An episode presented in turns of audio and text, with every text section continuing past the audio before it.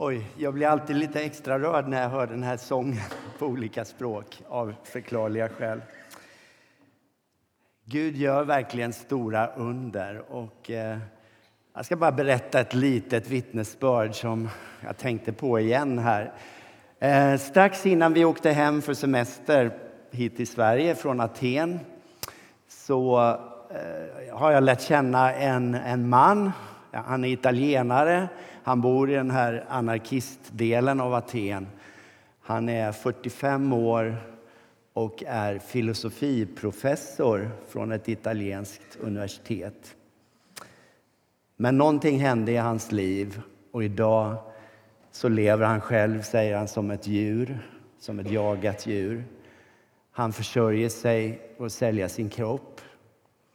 Och han är nog så lågt man kan falla som, som man då i ett, ett samhälle. Så. Eh, och han sitter där och väntar på kunder och det är hans sätt att, att ta sig fram i livet. Men jag, jag, började prata med honom och vi fick en väldigt god kontakt. Och han började berätta om sitt liv. Och, och han, han, eh, och vi började be också. Jag bad människor att be för honom. Och ganska snart så började det hända saker i hans liv. Han sa att, eh, ni får tro vad ni vill om det här, men han sa att en ängel kom till honom och sa att eh, han kommer att sända någon som kommer att hjälpa honom. Och eh, han, eh, en, en, dag så hörde han av sig. Åh, jag har fantastiska nyheter, sa han. Min bror har tagit kontakt med mig efter jag vet inte hur många år och han ska hjälpa mig att komma på fötter igen. Och det började verkligen att hända saker i hans liv. Och jag tänkte bara när jag, jag brukar sitta tillsammans med honom där och, och, jag vet inte vad folk tror när jag sitter där tillsammans med honom. Men på något sätt så kan jag bara uppleva Guds kärlek till honom så starkt. Um, han är inte den typiska kyrkobesökaren vi skulle tänka oss, men på något sätt så tror jag Gud verkligen älskar honom. Han gav sitt liv för honom. Och det har blivit så starkt för mig att ja, men vi, vi, vi har våra boxar, vi tänker på ett visst sätt hur man ska vara, vem Gud accepterar, vem Gud tar emot. Men hans hjärta är mycket större än vad vi kan någonsin tro. Jag ska prata lite om evangeliet. Vi har ju ett missionstema idag och vad passar bättre än evangeliet? Vi använder det här, åtminstone om du är van att gå i kyrkan så antar jag att du har hört evangeliet mycket. Men det kanske inte är, om vi säger vad är evangeliet då? Vad, vad, är det egentligen? Det kanske inte är lika enkelt att svara på, men vi tar det så självskrivet. Paulus sa, jag skäms inte för evangeliet. Det är en Guds kraft som räddar var och en som tror, juden främst, men också greken. Det känns ju bra när man bor i Grekland. Skäms vi för evangeliet? Ja, det kanske vi inte skulle våga säga, åtminstone inte här inne. Men förmodligen är det kanske inte så självklart för oss idag att det här är relevant, att det är någonting som verkligen betyder något och, och har något att ge i Sverige idag, eller i världen idag. Paulus skriver också i första Korintierbrevet, första kapitlet, att korset är en stötesten för judarna och en dårskap för hedningarna. Frågorna och problemställningarna som vi har idag i samhället, de är annorlunda än vad de var för 2000 år sedan. Men visst kan vi kanske nästan ja, jag vet inte, jag vågar säga det. Vi kan skämmas över det som var självklart kanske tidigare. Visst kan en del av det vi tänker omkring det här verka som dårskap och vara en stötesten i samhället idag. Att vara evangelisk, vi diskuterar det inom Evangeliska Frikyrkan, det, det kan också förknippas sånt som, med sånt som vi inte riktigt vill stå för. Men evangelium, det betyder ju goda nyheter. Vad hände då med de goda nyheterna? Har vi begränsat evangeliet och gjort det för litet till någon sorts transaktion där Jesus dör istället för oss och ger oss en biljett till himlen när vi dör. Det är typ steg ett, steg två, steg tre och sen är det klart för att vi ska fatta det. Och det är väl bra att göra det enkelt. Men det finns också en väldigt stor risk att vi, att vi begränsar Gud, vi begränsar budskapet, vi begränsar vår förväntan och det vi har att erbjuda människor.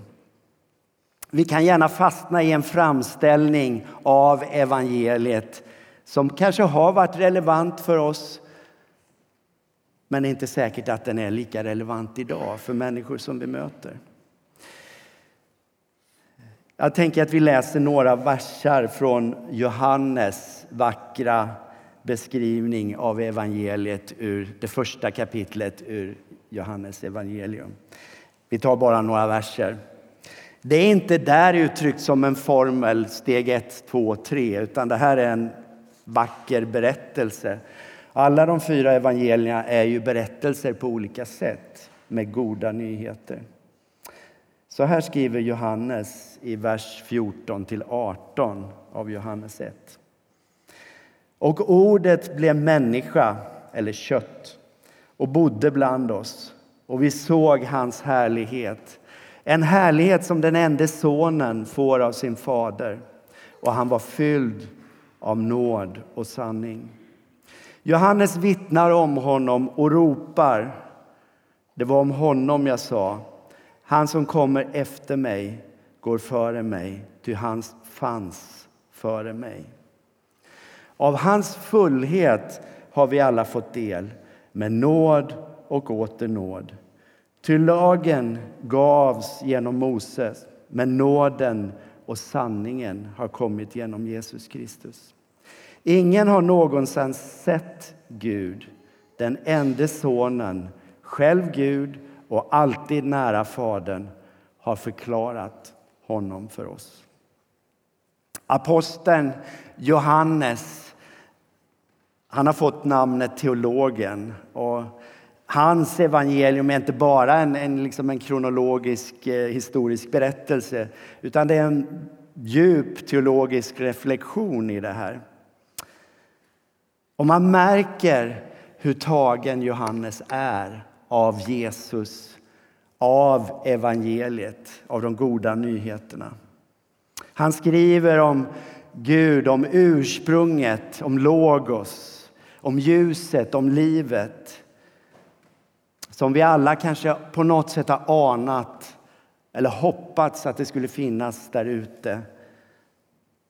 Men hur han kom och bodde mitt ibland dem och visade vem Gud egentligen var. Så mycket vackrare än vad vi någonsin kunde ha drömt om och anat. Den Gud som Jesus gestaltar.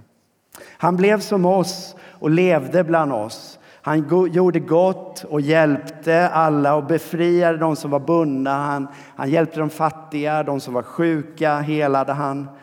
Han reste upp dem som levde i skam. Han blev brutalt dödad på ett kors av oss. Men han besegrade döden och bröt ondskans makt. Djävulens makt, syndens makt. Han, han uppstod och återvände till Fadern.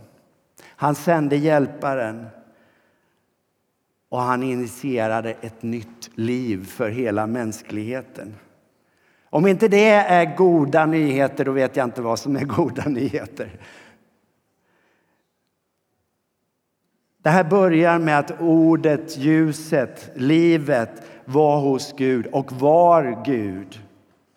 men det kom till oss och slog upp sitt tält, om man översätter det mer direkt, mitt bland våra tält. Och där levde Gud. Inte långt borta, utan precis bland oss. Den som allt hade blivit till genom. Det är otroligt. Det är goda nyheter. Och Johannes skriver, vi såg hans härlighet. Han visade vem Gud var. Han var Gud. Och det här evangeliet som Johannes förkunnar, för mig spränger det gränserna och det här som vi kanske har försökt att koka ner evangeliet till ett typ två, tre steg, A, B, C. Visst, det kan vara bra att kunna förklara det på ett enkelt sätt. Men det är så mycket mer. Gud har så mycket mer för oss. Vi har fått smaka av hans fullhet, säger Johannes. Sug på det ett ögonblick. Gud, ljuset, logos, den, den som var där från början har skapat allting. Vi har fått tagit del av hans fullhet.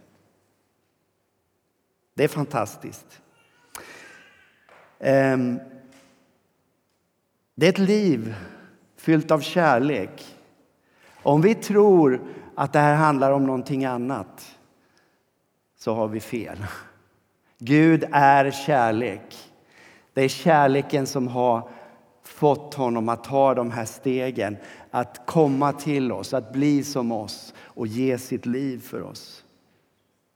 Mot slutet, det här står inte i, i, eh, i skriften, men det sägs att mot slutet av Johannes liv så predikade han bara en enda sak.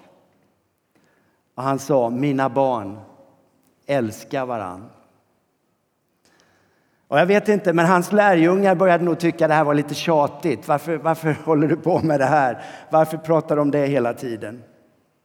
Och då svarar han, det här är det viktigaste. Om ni uppfyller det uppfyller ni alla Kristi bud. Mina barn, älskar varann. Man skulle ju kunna tro att Johannes efter att ha skrivit de fantastiska eh, skrifter han har skrivit och levt ett liv tillsammans med Jesus att han kanske skulle ha mer djupare saker att säga mot slutet av livet. Men han säger, mina barn, älska varandra. Kärleken, Guds kärlek, är det som betyder något. Evangeliet måste, det är inte bara ett, ett budskap, det är inte bara ABC. Det är någonting som är liv. Det är någonting som måste få kropp, ta sig uttryck. Det behöver uttryckas i ord, det behöver uttryckas i handling. Det behöver uttryckas i bön, i drömmar, visioner, i konst, poesi, våra tankar, våra val vi gör i livet, inriktningen i livet, i våra relationer. Evangeliet, det goda budskapet, det håller att bygga våra liv på. Och det ger en inriktning till oss. Vi lever inte bara för oss själva. Vi är kallade att vara lärjungar. Inte bara att lära oss vissa dogmer, utan vi behöver lära oss ett nytt sätt att leva. Leva som Jesus. Ja, det är kanske lättare sagt än gjort. Men det handlar om att vara lärjunge, att mer och mer formas av Anden för att bli mer lik Jesus. Ordet blev kött och bodde bland oss, står det. Den Gud som var långt borta, som vi hade kanske olika uppfattningar om hurdan han var eller kanske inte ens trodde på att han fanns. Han kom nära. Och det hände för 2000 år sedan. Men det tog inte slut. Han är här hos oss idag. Johannes fick ju vara med och se det vi kallar förklaringen och få se ehm, Jesus i all sin härlighet på berget. Ja, vad har allt det här med mission att göra, tänker du kanske? Jag har ju trott evangeliet. Ja, men jag skulle vilja säga att det här har mycket med mission att göra. Om vi tänker att vi är en grupp försäljare här. Nu säger jag inte att vi är det. En del kan sälja vad som helst. Jag ska inte nämna några namn här, men jag tror att det finns en del duktiga försäljare som kan sälja nästan vad som helst till vem som helst. Men jag tror att det är en annan sak om man vet att jag har någonting fantastiskt att sälja. Nu säljer inte vi budskapet, vi ger det fritt. Men vi har någonting fantastiskt. Det är inte bara en liten ja, formel som vi har klurat ut och som man, man tar några steg och sen är allting klart. Utan det här är en inbjudan till ett liv med Gud. Det är en inbjudan att ta emot den Gud som kom hit till oss. Vi kan verkligen vara försäljare som tror på vår produkt, om vi ska använda det språket. Nu är inte evangeliet ett, en produkt, men vi måste tro på evangeliet. Paulus sa att han skäms inte för det. Och jag ska inte säga att vi kanske skäms för det, men jag skulle vilja säga att vi kanske inte alltid förstår vilken produkt vi har. Vi har smakat på det, skrapat lite på ytan, men det finns så mycket mer. Och vi måste tro på evangeliet, tro att det är relevant idag om vi ska ha ett driv i att förmedla det. Vad det säger till, om det är till de som finns nära oss eller de som finns långt borta.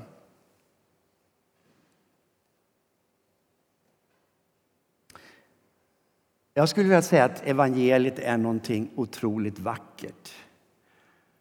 Och det är vackrare än vad som kan förmedlas genom en enkel formel, att det, är det här som är evangeliet. Det är någonting som jag tror tar hela livet att upptäcka och hela evigheten att upptäcka hur fantastiskt det är. De goda nyheterna. På den här tiden så om en ny kejsare skulle utropas så proklamerades det som goda nyheter att nu har vi en ny kejsare och man hoppades kanske då att det skulle bli bättre än den förra. Det är väl vad vi brukar hoppas när vi väl går till val, att nu ska det bli bra. Eh, jag vet inte om de hade som slogan att I'm going to make Rome great again, kanske. Jag vet inte hur bra de lyckades, men men eh, det var ett, ett glatt budskap, ett, ett evangelium. Att nu har vi en ny kung, vi har ett nytt, en ny härskare. Evangeliet om att Jesus kom. En ny kung, ett nytt rike. Det var goda nyheter. Och de tog inte slut då. De är lika goda idag. Han är fortfarande inte känd av många som finns nära oss och av många som finns långt borta.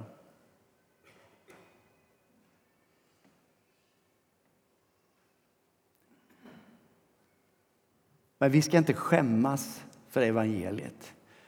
Vi kan ha full förtröstan på att det här är vad världen behöver. Det kanske är lite förmätet att säga att vi har det som världen behöver. Men det är inte vi som har det egentligen. Det är Jesus som har det. Jag måste säga att jag har varit kristen ganska länge, följt Jesus ganska länge. Men mina vyer vidgas hela tiden. Och jag måste säga att ja, de sista tio, tio åren, kanske, kanske mer, så är det nästan som att ja, men varje månad som går så liksom känner jag att det här är ju fantastiskt. Jag förstår mer vad Jesus har gjort. Vad det innebär att känna honom och följa honom och vad han vill med den här världen och alla människor. Och det är som att det här, istället för att det liksom eh, dör ner, så är det som att det här bubblar inom mig. Och jag tror att vi, vi som kyrka skulle behöva återerövra hur fantastiskt evangeliet är. Vi kanske måste omdefiniera det. Vi kanske måste be Gud, hjälp mig att förstå vidden, bredden, djupet, höjden av din kärlek och vad du, vem du är. För vi gör ofta Gud på ett sätt så att han passar in i vår tankevärld. Kanske vi har blivit för snäva och för trångsynta. Och de goda nyheterna är större, bättre och mer omfattande än vad vi ens har vågat hoppas, tror jag. Och det, det var lite av det jag kände när jag satt ner med den här mannen jag berättade om först. Han var nog på ett sätt tidigare utanför vad, vad, vem Gud skulle vilja eller kunna nå. Men jag förstod att Gud omfamnar honom mitt i där han var och vill dra honom till sig. Gud möter människan med goda nyheter oavsett den specifika situationen. Människor idag har andra frågor och andra bekymmer men evangeliet är goda nyheter idag också. Vare sig man är muslim eller eh, ateist eller vad man är, vad man än tänker, det finns goda nyheter. Evangeliet är tillräckligt stort och dynamiskt för att kunna ge svaret i alla tider för alla folk. Gud är oändligt mycket större, visare, godare än vi kan ana och tänka. Och därmed de goda nyheterna också. Så var frimodiga, och jag säger det till mig själv också. Skäms inte för evangeliet. Det är verkligen ingenting att skämmas för att den Gud som har skapat den här världen har kommit hit för att rädda och hela och upprätta oss. Skulle det vara något att skämmas över? Han älskar oss och det är det här vi får leva ut. Och vi kan ha stereotypa eh, idéer om hur det här ska gå till och känna att ja, men det här kan ju inte jag göra. Men jag tror att Gud använder oss var och en som vi är, där vi är. Och precis som jag redan sagt, det här är inte bara något som vi behöver proklamera, tala ut, utan det här får vi leva ut. Vi får vara detta, de här goda nyheterna. Så jag skulle vilja bara helt enkelt inbjuda dig på en upptäcktsfärd att se mer av djupet. Se mer av hur långt Jesu kärlek sträcker sig.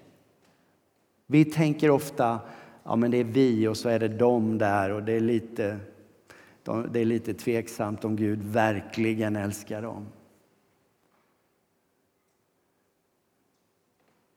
Kan vi avsluta så här, eh, avsluta predikan så här, eh, att vi ställer oss upp.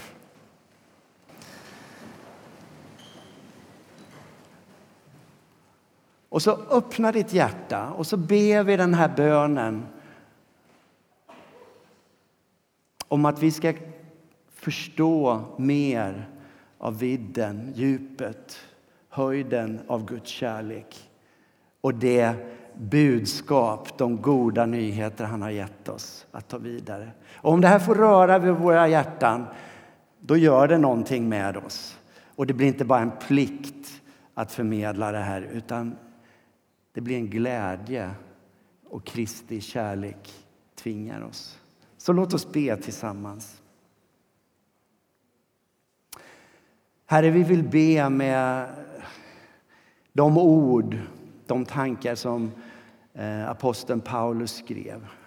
Vi ber om att du genom din Ande skulle visa oss på bredden och höjden och djupet av din kärlek. Vi ber om att det skulle få öppna upp nya källsprång i våra hjärtan där nytt, friskt vatten får flöda fram. Och Herre, vi ber om förlåtelse, vi ber om nåd för att vi så många gånger förminskar vem du är, vad evangeliet är. Men jag ber för oss alla som är här idag att det här goda, glada budskapet skulle få spränga gränser i våra hjärtan men också nå många fler. Så vidga våra vyer, Herre. Vidga våra hjärtan och gör någonting nytt i våra liv så att vi kan gå med de goda nyheterna om dig, Jesus Kristus. Vi ber. Amen. Amen.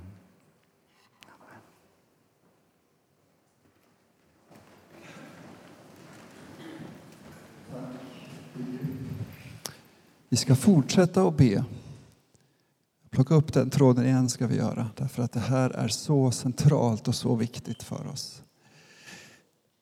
Vi ska be för två saker nu. Vi ska be för våra utsända. Vi får en bild på alla dem som eh, vår församling är med och sänder ut till olika platser i världen. Och eftersom några av dem är här så ber vi Anna-Klara, Bill och Eva-Lena komma fram så ska vi be för dem så att säga, IRL. Det var inte många som förstod.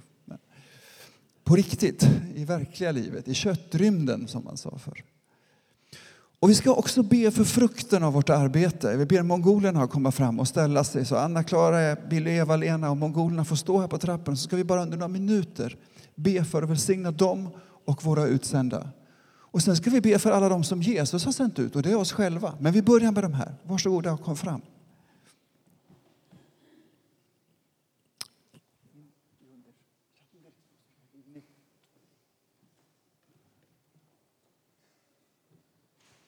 Och nu gör vi så att, att om du vill så kommer du fram och lägger händerna på de här och ber. Annars är du välkommen att sitta kvar och sträcka ut dina händer. Men var med några stycken nu och kom fram och lägg händerna på och välsigna våra utsända. Så ber vi också för dem som vi ser på bilden. Och herre, jag vill tacka dig för att du är missionens Herre. Du är sändningens Herre. Det är du som sänder oss alla och vi som församling får vara med och sända ut människor. Och det är vi så, så tacksamma för här. Det är ett privilegium att få be för och välsigna. Vi ber för alla dem som, som vi har sänt ut som inte är här. Vi ber för Urban och hans, hans hustru i Colombia. Vi ber för Åbergs i, i Thailand. Vi ber för Lindsmys i Sydafrika. Vi ber för Renbergs där de är i Mellanöstern. Vi ber för Pickets också i Mellanöstern.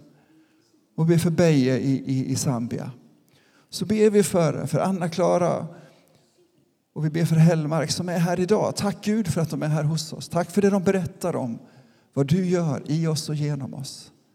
Vi välsignar det du gör i dem. Och Herre, vi tackar dig för det här lovsångsteamet som har kommit hit från Mongoliet.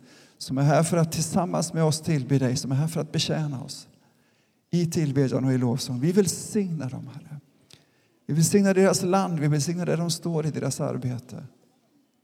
Tack Gud för din trofasthet genom decennierna, genom, genom århundraden och genom millennia. Du är trofast, det är sådan du är. Tack Jesus. Tack Herre för våra utsända. Tack Jesus för de här vännerna som finns här. Tack för att vi får välsigna dem idag. Och vi får be om kraft och visdom och din stora nåd och kärlek över deras liv så att de kan få fortsätta och predika evangelium och befria människor där de går fram. Välsigna lovsångsteamet när de ska vara med på ära och vi ber för den konferensen att du ska välsigna den. Men så vill jag be också för vår församling, Herre. Jag ber att vi ska få fortsätta att vara en sändande församling. Sänd oss på nytt till att bli sändande. Tänd oss på nytt, Herre. Hjälp oss att förstå hur vi ska hantera eh, frågor omkring att sända ut människor, att vara en offrande församling som vill någonting i den här världen, i vår närhet men också långt borta. Herre, jag ber om välsignelse över oss som en sändande församling idag. I Jesu namn. Amen.